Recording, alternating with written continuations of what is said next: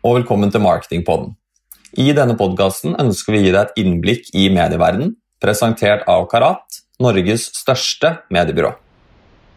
Hei og velkommen til Marketingpodden. Jeg, Mats Stangeby, sitter her som vanlig sammen med Simen Smedsberg Kneppe. Eh, og vi er klare for nok et eh, hyggelig besøk, Simen. Det er vi, og i dag er det nok en spennende kunde som vi skal få besøk av, nemlig markedsdirektøren i Løvenskiold Handel, eller Maxbo. Mm, Maxbo jo, uh, har jo gjort veldig mye spennende. Uh, jeg gleder meg til å høre litt om de nye tjenestene de har uh, utviklet i perioden, og også hvordan de har klart å håndtere disse svære varehusene sine. Helt enig. Da kontakter vi Eirik og, og håper på artige og interessante svar. Men før vi introduserer eh, gjesten vår, så har vi jo også lyst til å minne på et kurs, Simen. Det vil vi. Eh, vårens digitale akademi, eller DADA som vi også kaller det, eh, er skreddersydd for å gi deg viktig kunnskap for å lykkes i den nye digitale hverdagen. Riktig, det er et veldig bra kurs. Jeg har vært med på det tidligere selv. Det holdes nå på Teams og det er oppstart 27. mai. og Ønsker du mer informasjon om det og også påmelding, så kan du besøke det digitale akademiet.no. Bare å melde seg på. Da har vi fått med oss dagens gjest inn i studio her. Eirik Grønli, markedsdirektør i Løvenskiold Handel, og de driver også da Maxbo. Velkommen, Eirik. Takk, takk. Hvordan står det til med deg? Jo, det er bra. Det er en fin vårdag eh, her på Vækerø. Og forhåpentligvis godt byggevaresalg, så det liker vi jo. Så godt å høre. Vi syns jo det er litt morsomt å spørre gjestene våre om, spesielt dere som sitter på kundesiden. Altså, Hva hadde du gjort eh, hvis du hadde jobbet i et mediebyrå eller hvis du hadde jobbet i Karat i én uke og jobbet med Maxbo som din hovedkunde? Ja, Da ville jeg ha passa på å eh, Eh, vært en god rådgiver og eh, fortalt hva det er lurt å gjøre i en sånn situasjon som man er oppe i. Eh, for det er jo mye lærdom å høste av tidligere kriser og noen hovedregler på hvordan man bør framstå og ikke. Så Det er kanskje det første jeg ville ha gjort, i og med at ting har gått såpass fort som det har gjort. Mm. Det er, nok, det er, nok, det vi også prøver å være, være mest mulig på ballen. Det er en vanskelig situasjon. Eh, vi ser jo at eh, reiselivsbransjen f.eks. står jo med brukket rygg. Dagligvarebransjen har vi snakket med, de har jo fått seg en oppsving. Og så har vi jo fått noen indikasjoner på at byggevarebransjen også eh, har gått ganske bra. Hvordan har dere i Maxbo opplevd eh, hele situasjonen rundt eh, korona og det vi er i nå? Ja, altså vi, vi måtte jo bruke litt tid på å få oversikt over situasjonen, vi òg. Gikk jo i beredskap med tanke på, på eh, smittefare og sette i gang tiltak i forhold til det. Så det å eh, sikre en trygg handel for våre kunder og for våre ansatte var det jo første vi tok tak i. Um, og så fulgte vi jo med utviklinga ja, innenfor detaljhandelen generelt sett, og ikke minst for vår egen bransje. Um, og gjorde justeringer i forhold til det. Og Da så vi jo suksessivt at uh, byggevarehandelen utvikla seg litt annerledes enn enn andre, noen andre typer handel. Sånn som du er inne på, så har jo, eh, har jo forbrukerhandelen hos oss stått seg bedre enn en del annen type handel. Eh, men vi må også huske på at, at ulike typer handel har også ulike faser. Så vi, nok, så vi, forbereder oss på at det er noen seneffekter av situasjonen som, som treffer oss nå gjennom høsten. Mens en eh, frisør som har vært eh, stengt, kan nå åpne og ha full normal drift. Eh, så de har liksom lagt mesteparten av det her bak seg. Tenker du på sceneeffekter som at, de, at handelen blir flytta? At dere har Eller hvilke sceneeffekter tenker du på da?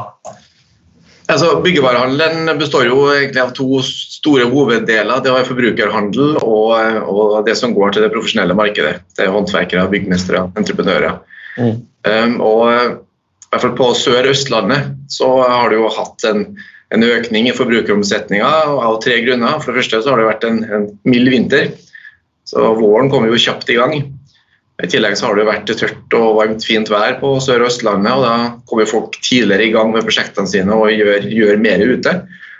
Eh, og det er klart Når såpass mange sitter hjemme og ser på umalte vegger og en hage som skulle vært stelt, og har mer tid til å holde på hjemme, så, så øker jo altså antall prosjekter som de har i hjemmet. Så I den delen av landet så har vi sett at det har vært en økning i forbrukeromsetninga. Eh, mens på kysten Midt-Norge, Nord-Norge, så har det jo knapt nok blitt vår enda, så der henger ting litt etter.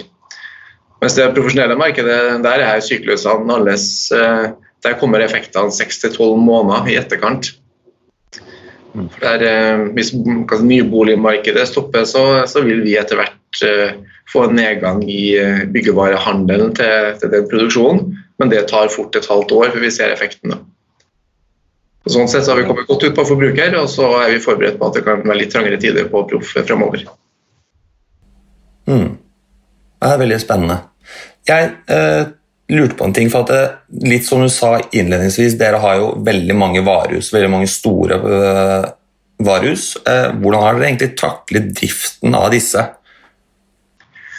En annen eh, fordel som byggevarehandelen har i den situasjonen vi har vært inne i, i forhold til eh, å sikre en trygg handel, så Eh, er jo gjerne byggevarehus eh, de er jo gjerne for seg sjøl. De ligger jo i et eget område med, med, stor parkering, og det er gjerne store varehus også, med mye plass.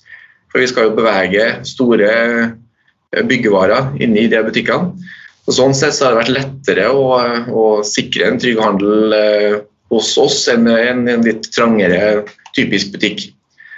Og så er det jo ja, så vi kommer godt i gang med, med tiltak. og så Vi har liksom sikra våre, våre, kunder og ansatte godt gjennom eh, situasjonen. Så, så, det har kanskje vært enklere for oss sånn sett, eh, å få en opplevelse av, eh, av gode tiltak enn i sagt, et litt, tryggere, litt trangere butikklokale.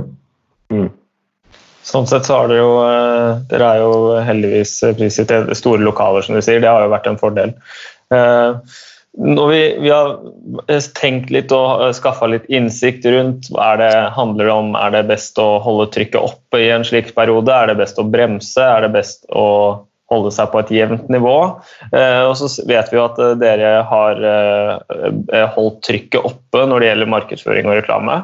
Har det vært et bevisst valg å holde trykket oppe og kanskje også øke det litt i denne perioden, eller?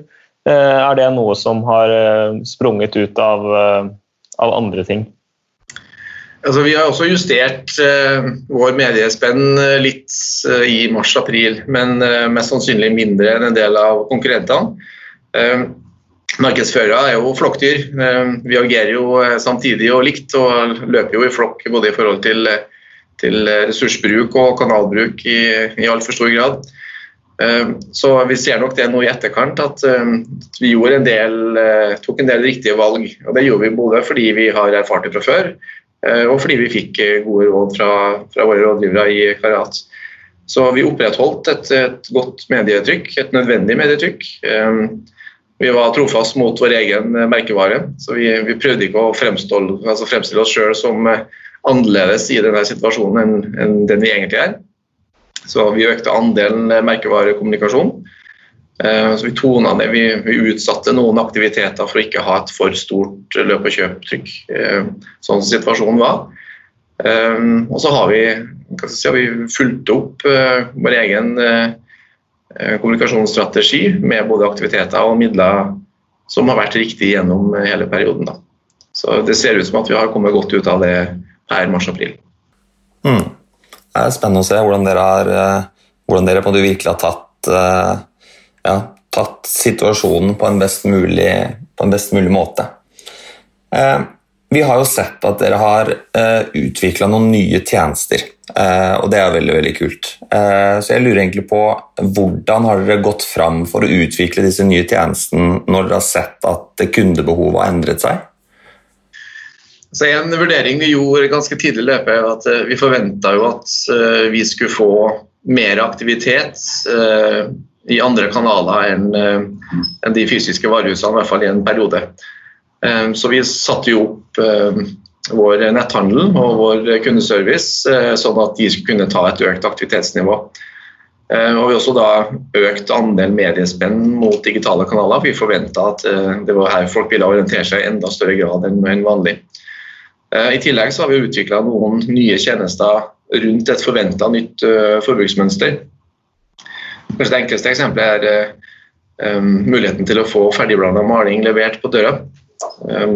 For Det er jo en tjeneste som ikke har eksistert før, for det er litt komplisert. Sant? Da må du melde inn ikke bare hva slags maling du skal ha, men hvilken farge du ønsker, med fargekode osv. Um, og det har man normalt sett måtte ha klikka, henta eller oppsøkt et, et, varehus for å få, få unna. Men eh, i løpet av fire dager så hadde vi den tjenesten på gikk og kunne markedsføre den utad. Den ble relativt populær ganske raskt. Um, så Det er en, en, ny, god tjeneste som vi har egentlig tenkt på lenge, mens vi kunne lansere på veldig kort tid, eh, sånn som situasjonen var. Mm. Da har dere jo vist eh, veldig stor grad av eh, fleksibilitet.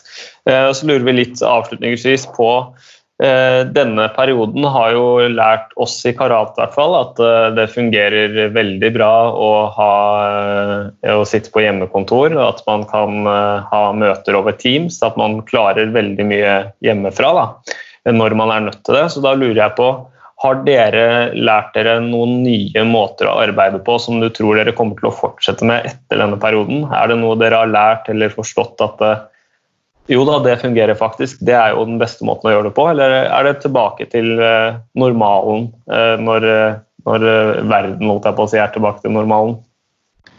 Ja, det er jo ikke en, en, god del ting vi kan ta med oss som er positive opplevelser med det her eh, Eh, det er jo, eh, vi hadde jo eh, implementert Teams fra før av, og som vi var i gang med, men det fikk jo et voldsomt løft i forbindelse med de, altså de siste to månedene.